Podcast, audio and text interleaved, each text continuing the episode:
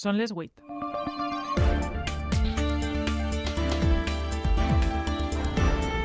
A punt. Les notícies de la nit. Amb Sara Garcia.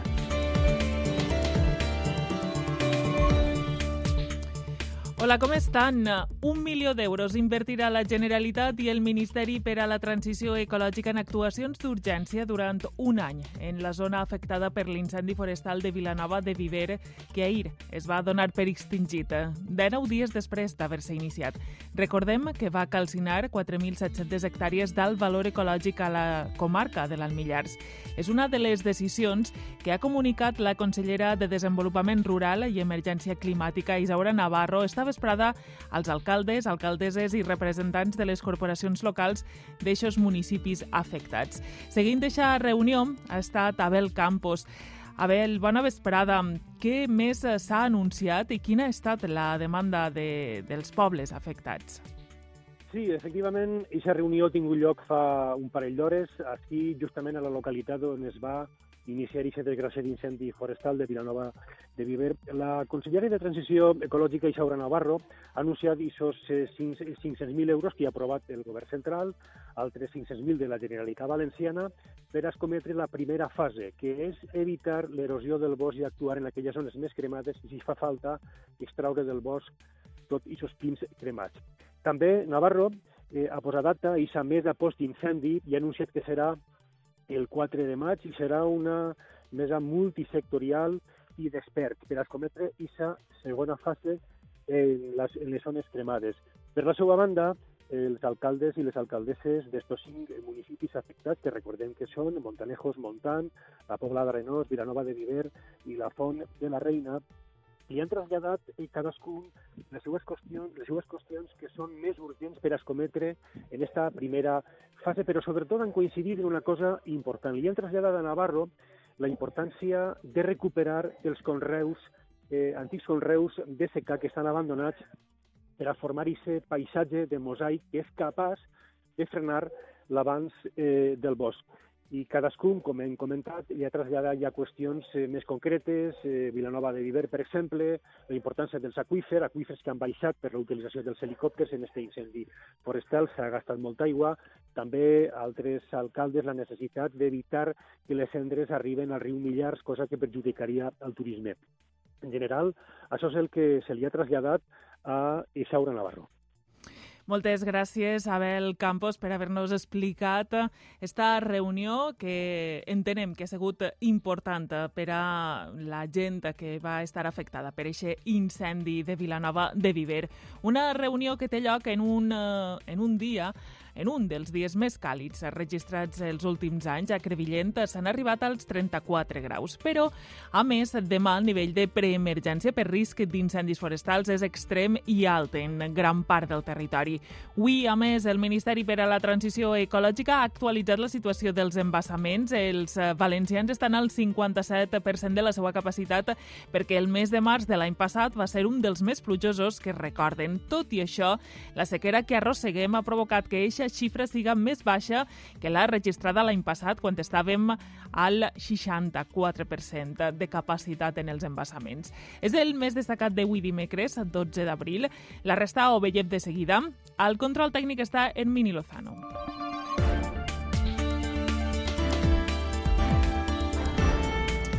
En la informació esportiva conclou la visita a València de la candidatura ibèrica per al Mundial 2030. Gustavo Clemente, bona vesprada. La delegació, la delegació de les federacions espanyola i portuguesa de futbol ha visitat les obres del nou Mestalla i posteriorment a les oficines del València han conegut el projecte del futur estadi. A l'eixida de la trobada tècnica, el regidor d'Esports de l'Ajuntament de València, Javier Mateo, ha deixat en mans del club de Mestalla la responsabilitat d'acabar l'estadi i que València siga seu en la candidatura ibèrica. Yo ya más que un mundial de fútbol ya no se me ocurre nada que poner sobre la mesa para, para incentivar la finalización de, del estadio. O sea, es el mayor evento deportivo y a nivel de fútbol ya no hay otro, otro mayor y creo que sería la puntilla, la celebración de un mundial a nivel incluso de inversiones, de, de atracción económica en la ciudad, casi que te cae el dinero por, por, por castigo, ¿no? Per contra, el director corporatiu del València, Javier Solís, assegura que el club vol certeses del consistori per a tirar avant el projecte. Una vez se, se caducó la ATE, se, se, se, se- se empezó a trabajar en un convenio, mandaron un borrador del convenio y, y la- y- y ese es el objetivo de un convenio, el, el- el hablar, el, el dialogar, el dar certeza a muchas de las cosas que hay, que en el borrador que, que muchos de vosotros ya conocéis eh, eh, no había esas certezas, con lo cual es que no estamos pidiendo eh, nada del otro mundo, estamos eh, pidiendo certeza para poder dar, eh, para poder empezar con total certidumbre una obra de, de tan importancia para la ciudad. Ampliem la informació esportiva a les 8 i 25. Gràcies, Gustavo. I ara és moment de conèixer les previsions de l'oratge. Lluís Obiols, bona vesprada. Avui ha sigut un dia de ponent i, per tant, de calor. A quines temperatures hem arribat? Uh, bona vesprada, doncs, com has dit, Adés, uh, la màxima ha sigut de 34 graus a Crevillent, 33 a Novelda, també 33 a Oliva, 32 a València, Gandia, a Elx, eh, per tant, molta calor. De fet, l'Agència Estatal de Meteorologia parla del dia més càlid d'abril, com a mínim des de l'any 2014, però a la Safor, amb 33 graus, per exemple, a Oliva, podríem parlar del dia més càlid del mes d'abril des de l'any 2011. No s'ha superat cap rècord, però, per exemple, a la ciutat de València, enguany, este mes d'abril, hem tingut tres dies amb temperatures de 30 graus este abril i és, una, és un fet realment excepcional, esta persistència d'altes temperatures. Però ara està entrant una massa d'aire més freda pel nord, tenim més núvols, està arribant un front que desgraciadament no ens deixarà precipitació, però sí que van començar o, o comencen a baixar les temperatures en zones interiors del nord. Tenen temperatures actuals en zones dels ports, també del Maestrat de l'Alcalatén, al voltant de 13 a 14 graus, 20 graus ara a Castelló de la Plana. De fet, la costa de Castelló de la Plana ha quedat al marge d'esta situació de ponent. Més o menys des de la Plana baixa cap al nord les temperatures han quedat prou més frenades, però encara, encara continua fent bona cosa de calor al centre i al sud. 29 graus ara mateix a Elx, 28 a Dènia, 27 a València o també 27 graus a Xàtiva. Això pel que fa ara i com dius, en principi la situació canviarà ràpidament i demà tindrem baixada, podríem dir acusada, després de les temperatures d'avui, d'això, del termòmetre. Sí, eh, en general baixaran de l'ordre de 8 a 10 graus les temperatures màximes, per tant serà un descens considerable. I esta pròxima nit, fins i tot, sembla mentida, però serà freda a l'interior. I no és descartable alguna gelada en les zones més altes eh, dels ports, del Maestrat, eh, també bàsicament de l'Alcalatén. Amb vent de mestral que s'està enfortint, bufarà fort esta pròxima nit i matinada en tota aquesta zona. Eh, fins demà migdia tenim avisos activats per ràfegues de vent de més de 80 km per hora. I demà el descens tèrmic ja arribarà a tot arreu. De fet, la majoria dels valors demà entre 19 i 24, puntualment encara 25 graus. En zones de les comarques centrals, per exemple, s'espera una màxima de 25 graus a Alzira, també a l'extrem sud 25 graus a Oriola, però en general màximes molt més frenades que les d'avui. Com diem, perdrem de 8 a 10 graus. Atenció al vent de mestral, fins demà mig matí migdia. A la resta el vent anirà girant a component sud, a la costa, i a l'interior es mantindrà el ponent moderat. I tindrem bastants núvols, núvols de tipus alt i mitjà, demà al matí més abundants al sud i al centre, de vesprada podrien progressar i afectar eh, tot el país, però en general eh, seran núvols, eh, sobretot de vesprada, que deixaran passar el sol a través. Però de cara a divendres tornen a pujar les temperatures, un ascens tèrmic que continuarà dissabte, especialment en zones interiors, diumenge tornarien a baixar. Doncs moltes gràcies eh, per aquesta mm, ruleta russa, no?, quasi, quasi que tenim de, de temperatures. Sí, però sempre a la, a la banda alta, no? Sí. Demà baixen, demà baixen, però divendres tornen a pujar i el que és prou excepcional és esta persistència o, o quants dies estem registrant valors de 30 graus uh Mhm. -huh. eh, este mes d'abril. Gràcies, Lluís. A vosaltres. Adéu. Escoltes a punt. Les notícies de la nit.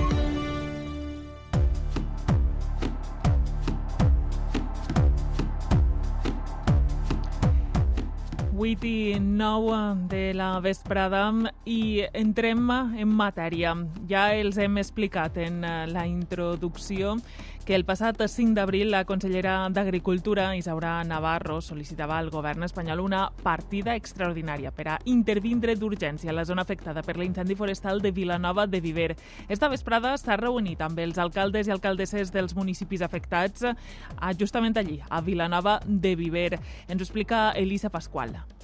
Sí, els ha comunicat l'inversió prevista per a la regeneració de la zona, un milió d'euros. El govern espanyol invertirà 600.000 euros i la Generalitat altres 600.000. Sentim a Isaura Navarro, consellera d'Agricultura comencen les actuacions per a recuperar, renaturalitzar tota la zona cremada, això vol dir pues, netejar els camins, retirar la, la fusta que està cremada i d'aquesta manera és una actuació molt àgil i ràpida que el que suposa és que la massa forestal se recupera més rapidesa. Els alcaldes i alcaldesses li han palesat a la consellera les problemàtiques a les quals s'enfronten després de l'incendi, li han fet arribar l'importància d'actuar en els camps de cultiu.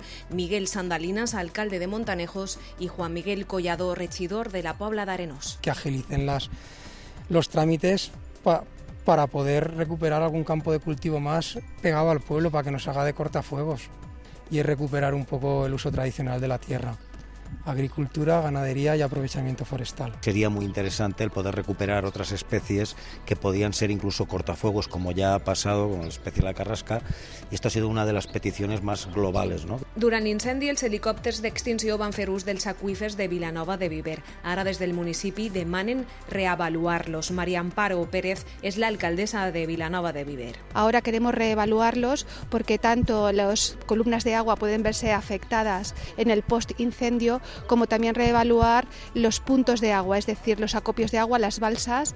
A hores d'ara, el Centre d'Estudi Ambiental està elaborant l'informe sobre l'avaluació de la zona cremada. El 4 de maig se celebrarà la mesa de concertació post-incendi. Allí s'explicaran els primers passos del camí cap a la regeneració.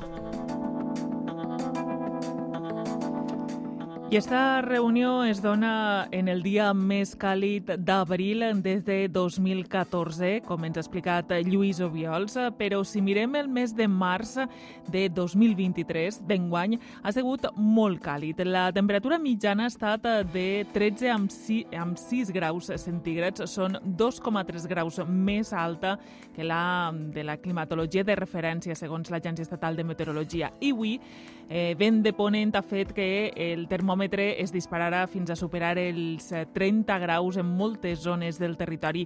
I això ha fet que la costa, que en la zona de la costa, molta gent ja ha anat a la platja a passar el dia. Víctor Vidal. El ponent d'avui ha portat una calor anormal, tan anormal com que la ciutat de València ha superat els 31 graus per segona vegada este segle, un ambient que ha animat molta gent a anar a la platja. El sentim. Muchísimo calor. Es el primer día que me pongo en bikini. El resto de los días he estado con camiseta, pantalón y sudadera. Sabien que anava a fer caloreta, però no tant. Ara l'aigua sol estar prou freda, però si estigues un rato igual me banye, perquè, perquè això ho demana. Yo creo que me voy a meter al agua seguro. A 12 d'abril fa 32 graus, en juny, a juliol, ens anem a morir. anem a passar-ho mal. Cullera ha registrat 30 graus de màxima i Gandia i Oliva més de 32 graus, una variació de 12 graus respecte a ahir. Mira, ara anem en màniga curta i no mos aclarim i demà a saber, jaqueteta con la ceba, o se lleva. Va calor i sin que no, pues un altre plan. O sea, segons l'horatge anem a acoplar-nos o el cinema o platja o centre comercial. Una calor que ha fet que vegem plans típics de l'estiu en plena Pasqua, però atenció perquè demà el vent de ponent canvia mestral i tornarem de l'estiu a la primavera. Les màximes baixaran entre 8 i 10 graus en tot el territori. I el mes de març de 2022, recorden, va ser un dels més plujosos que eh, en tenim constància. Va ploure i de manera abundant la major part dels dies i les falles i la Magdalena van estar passades per aigua. Res a veure amb el que ha passat en guany. El març de 2023 ha sigut extremadament sec a la comunitat valenciana. La precipitació acumulada ha sigut de 2 amb 3 litres per metre quadrat, que és un 95% inferior a la mitjana climàtica normal. Segons afirma la l'Agència Estatal de Meteorologia, este març ha sigut el més sec des de almenys el 1950, és a dir, des de fa 73 anys. No hi ha precedents d'un març tan sec com el d'enguany i la primera desena d'abril i probablement la segona també tindrà un caràcter extremadament sec. I quan parlem de pluja, o més ben dit, de falta de pluja, mirem també l'estat dels embassaments. La primavera més plujosa de la història, de la de l'any passat, va, va fer una bona saó pel que fa a la capacitat dels pantans i això ha permès viure de rendes. Segons l'última actualització del Ministeri per a la Transició Ecològica, Els embassaments valencians estan al 57% de capacitat, tot i que l'any passat en esta època estaven al 64%. Per conques, la que millor està és la del Xúquer, al 61% de la capacitat total, i en situació més crítica trobem la del Segura, al 35%. I des de la Confederació Hidrogràfica del Segura, justament, s'ha vingut a dir que qui no guarda quan té, no gasta quan vol. I es responsabilitza directament els llauradors a qui se'ls demana ser prudents amb la inversió d'aigua. Els agricultors ho entenen, però asseguren que ho fan des de fa anys. Redacció d'Alacant, Francesc Manel Anton. El mes de març ha sigut el més sec des de 1950. Apenes han caigut 2,3 litres per metre quadrat, un 95% menys que en períodes normals. La poca pluja ja es nota en les hortalisses, com ara la floricol, les faves o les carxofes, però també en els cítrics. A més, els embassaments de la Conca del Segura estan al 35%, una situació de prealerta que ha fet que la Confederació del Segura demani als agricultors prudència a l'hora de regar. Mario Urrea es el presidente de la Confederación Hidrográfica del Segura. Ellos pueden tomar la decisión de, de no ser ahora prudentes y agotar los recursos y agotarlos, o mantener, atendiendo fundamentalmente el arbolado, que es lo que se pretende siempre evitar su pérdida, y una plantación de hortícolas pues que no vaya al 100%. Els llauradors entenen les raons i evitaran consums excessius, però asseguren que això ja ho fan habitualment.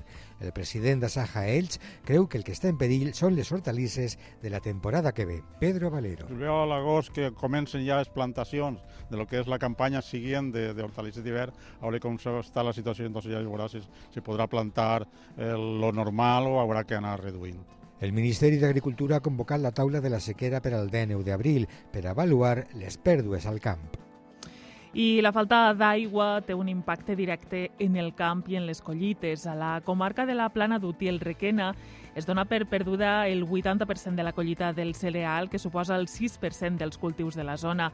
Luis Julián Pérez és president d'Avassatge a la zona. Prácticamente no ha crecido nada cuando tenía que tener entre 25 y 30 centímetros de altura ya. Hay que haber ido ya de entre 200 y 250 milímetros altres cultius de secà, com l'ametla o la vinya, també esperen la pluja amb candeletes. Miguel Martínez, agricultor, y Fernando González, viticultor.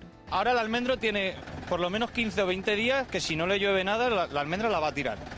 O se secará el almendro. Pues si no llueve, las mermas van a ser grandes, seguro. I com ha dit Francesc Manel, el dia 19 d'abril està convocada la Mesa Nacional de la Sequera i eh, en aquesta cita eh, s'analitzarà l'evolució climàtica, la seva incidència en els cultius i ramat, així com l'estat de les reserves d'aigua, els embassaments i les propostes d'actuació. Un dia abans, a casa nostra, els Premis Rei Jaume I debatran a la Universitat d'Alacant sobre canvi climàtic. Serà dimarts, dia 18 d'abril. I en este context, el Parlament andalús s'ha iniciat avui el tràmit parlamentari de la llei que regularitzarà 800 hectàrees de regadiu del Parc Natural de Doñana. El debat ha viscut moments... Eh, és un parc natural i, a més, recordem que és parc nacional.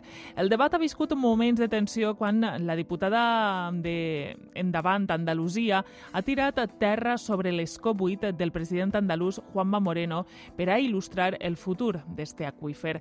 El president del Parlament andalús ha cridat a l'ordre. Está muy mal y además una falta de educación lo que usted acaba de hacer ahora mismo. Señoría, le llamo al orden. Un poquito de, por favor, un poquito de dignidad. Señoría, si usted lo que quiere llamar la atención, cómprese un mono. Perdone, pero me está faltando respeto. La proposta normativa està provocant un fort enfrontament entre el govern espanyol i el d'Andalusia. Magda Nicolau. La ministra de Transició Ecològica, Teresa Rivera, ha dit que el govern espanyol recorrerà davant el Tribunal Constitucional la legalització dels regadius de Doñana. Total falta de respeto a la legislación europea, a la legislación nacional, pero también al ámbito competencial. A favor la majoria dels agricultors dels municipis de Huelva colindants amb l'aqüífer. En contra, ecologistes i científics ho consideren una sentència de mort a un aqüífer sobreexplotat i que ha empitjorat amb l'actual sequera. El president del govern d'Andalusia, Juanma Moreno, acusa al Ejecutivo espanyol de manipular el sentit de la futura llei. Quienes han permitido que se vulneren los acuíferos de durante años y años han tenido la competencia Juanma Moreno no espera sancions de Bruselas. Porque vamos a explicarle las cosas de manera correcta para que sepan, que, para que no caigan en las falsedades que se están diciendo por parte del gobierno de España. I defèn el projecte perquè no s'extraurà aigua de l'aqüífer, sinó d'un futur trasbassament, fet que nega la ministra Teresa Rivera. El agua del Guadalquivir el potencial agua de superficie que se pueda trasvasar para los regadíos que forman parte del plan aprobado en 2014 no va a estar disponible. No es posible que pueda estar para otros usos porque no hay agua. La llei eixirà endavant amb la majoria absoluta del Partit Popular i el suport de Vox. Les notícies de la nit, amb Sara Garcia.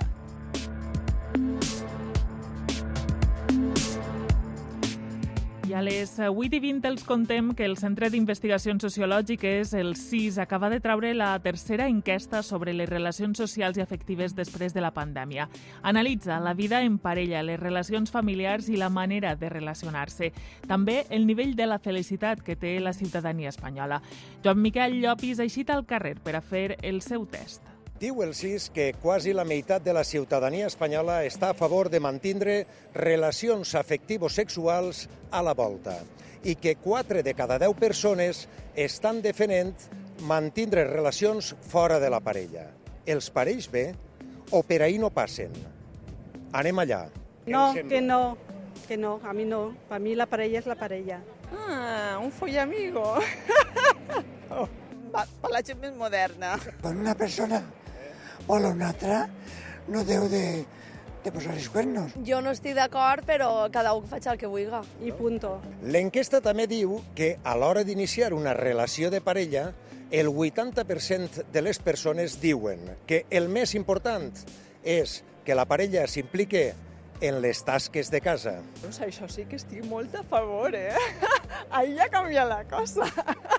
Això ja no és tan tradicional.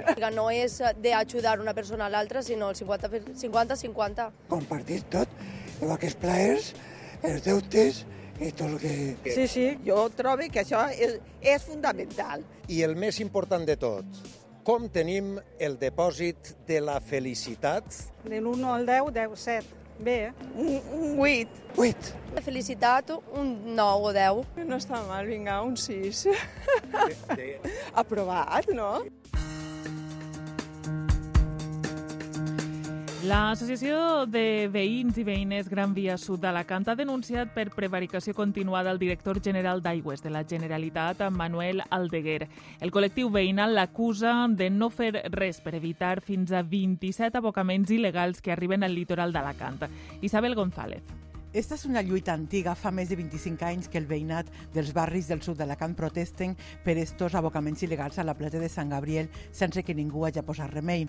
Ara s'han querellat contra el director general d'Aigua de la Generalitat, Manuel Aldeguer, per prevaricació continuada, és a dir, per no fer res durant els últims 8 anys de govern. Sol Garcín, presidenta de l'Associació de Veïns Gran Via Sud Port. Aquests abocaments no estan autoritzats des de l'any 1998. Portem pràcticament 25 anys en la que cap administració ha fet res. L'Ajuntament com, com responsable dels abocaments i la Generalitat com responsable de l'autorització d'aquests abocaments. La Conselleria de Transició Ecològica ja té en marxa un projecte per a solucionar definitivament el problema sense cap abocament al mar. Manuel Aldeguer, director general de l'Aigua. Un projecte per executar uns bases darrere de la ciudad de la luz eh, a Ponent y, y entonces el vertit de la depuradora anirà ahí. I què farem en l'aigua? Se va bombejar a les regants, a altres bases de les regants, perquè se reutilitzi el 100% de l'aigua, en la qual acabem en el vertit. El veïnat, que ja ha anunciat que també denunciaran l'Ajuntament d'Alacant, demanen solucions més urgents que el projecte d'abocament zero que ha presentat la Generalitat. Escoltes a punt. Les notícies de la nit. L'endemà de la proposta de Pere Aragonès per a un referèndum pactat a Catalunya, els partits espanyols s'hi pronuncien en contra. El govern de Sánchez barra el pas a qualsevol consulta i el Partit Popular li exigeix més contundència. Per la seva banda, el president català demana no tancar el camí del diàleg. Adelaida Ferre. El govern espanyol tanca la porta a qualsevol opció de referèndum. El ministre de la presidència, Félix Bolaños, ha atribuït la proposta catalana al clima preelectoral. Este tipo de propuestas que vuelven al pasado, al peor pasado de, de, la Cataluña reciente, al pasado del conflicto, de la división, del fraccionamiento, de tensionar la sociedad, desde luego no son el futuro de Catalunya. Però el president aragonès insisteix en la via del diàleg i retrau al govern espanyol que defuja l'acord. Totes les negociacions comencen amb un no. Estem proposant un acord. I, per tant, ningú hauria de tenir por a parlar a dialogar. L'acord de claredat que la Generalitat de Catalunya ha posat damunt la taula preveu consultar 800 catalans i catalanes triats per sorteig, una proposta que no agrada a alguns barons territorials, com ara el manxec Emiliano García Pajé. Tiene que hablar toda España. La simple posibilidad de que una parte pueda decidir lo que afecta a todos ya es el ejercicio de la independencia. Mentrestant, la portaveu del Partit Popular, Cuca Gamarra, demana més contundència al president espanyol. La cuestión es qué es lo que va a hacer Pedro Sánchez. Si va a seguir del lado de los independentistas facilitando y favoreciendo toda, eh, todo ese camino. A punt. Les notícies de la nit. I en cultural, l'art belga arriba a València. De l'impressionisme a Magritte, una completa exposició que mostra les principals tendències pictòriques de finals del segle XIX fins a mitjans del XX. La mostra es pot visitar a la Fundació Bancaixa fins al juliol. Ens fa un tast a Yolanda Sanz. Quadres que repten l'espectador a desxifrar un codi ocult. El donant feliç de Magritte és un, una silueta d'home amb barret i a l'interior una llar acollidora. Magritte és un dels pintors que uniren la seva vida als pincells fins a la mort. Una completa mostra que veu de la col·lecció del Museu d'Ixelles de Brussel·les per a oferir l'evolució de l'art belga. Claire Leblanc és comissària de l'exposició. L'exposició es desenrotlla a través dels grans moviments internacionals, però també com s'interpreta l'art belga. Un viatge que va del realisme al surrealisme i passa per la recerca de la modernitat. La, la llibertat dels gestos, dels colors i de la llum. Destaca l'eclosió de color de Jos Albert, el gran interior que enllaça l'autor amb el fobisme francès. Bèlgica viu la contradicció de la gran industrialització i el retorn a la natura. Obres que destilen influències internacionals amb característiques locals. Un retorn als valors fonamentals que proposen noves solucions estètiques més lliures i vibrants. Els esports en A punt. Les notícies de la nit. I en els esports, representants de l'anomenada candidatura ibèrica per al Mundial de Futbol de 2030 han estat esta vesprada a València per a veure de primera mà el projecte de l'estadi. Gustavo, hola de nou. Hola de nou i seguint esta visita, este dia d'examen per al nou Mestalla ha estat Lucía Pastor. Hola, Lucía. Hola, bona vesprada, Gustavo, bona vesprada. Sara, ha sigut una vesprada prou intensa que ha començat a les 4 amb la visita institucional al nou Mestalla i que ha continuat després a les oficines del València Club de Futbol.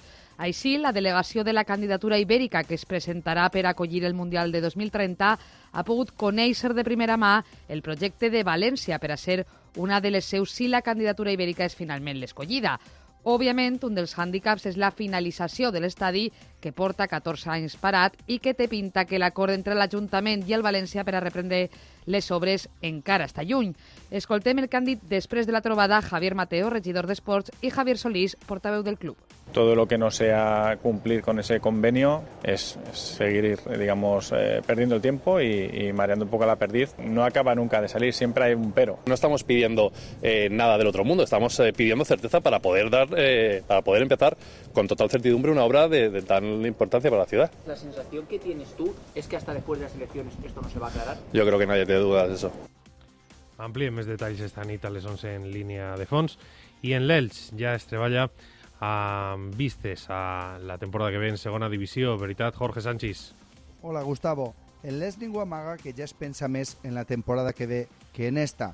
Avui ho ha reconegut Tete Morente en roda de prensa. No solo planteamos de aquí hasta final de temporada que vamos a pelear hasta a muerte hasta, último, hasta lo último, pero sobre todo también no pensando ya también la temporada que viene, que estamos haciendo un, un buen grupo. Sos Bragarni sap en qui compta o no per al curs que ve. Va enviar, de fet, divendres el seu director esportiu Sergio Mantecón a Vilareal a veure el partit de segona. L'objectiu és clar, veure possibles fitxatges en el filial groguet i el Màlaga. BKSS, si Bragarnik no es cansa abans, com ha fet altres vegades, serà qui dirigirà l'equip en segona. Avui passejaven just pel camp, de ben segur que parlant d'eixa tecla que Sebastián BKSS no troba perquè arriben victòries. Tampoc ho van fer cinc entrenadors abans. Un d'ells, Joel Mirón, ha sigut un dels fracassos més grans de Bragarnik des que està en l'Elx. Ara l'ha col·locat en el Boca Juniors perquè ressuscita un dels equips punters de l'Argentina. Bragarnik aprofita el temps per pensar i actuar. Moltes vegades tarda massa en actuar.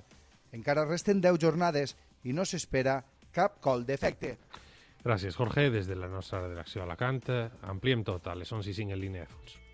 Moltes gràcies. Nosaltres ho deixem a Sim. Que passem molt bona nit. Adeu.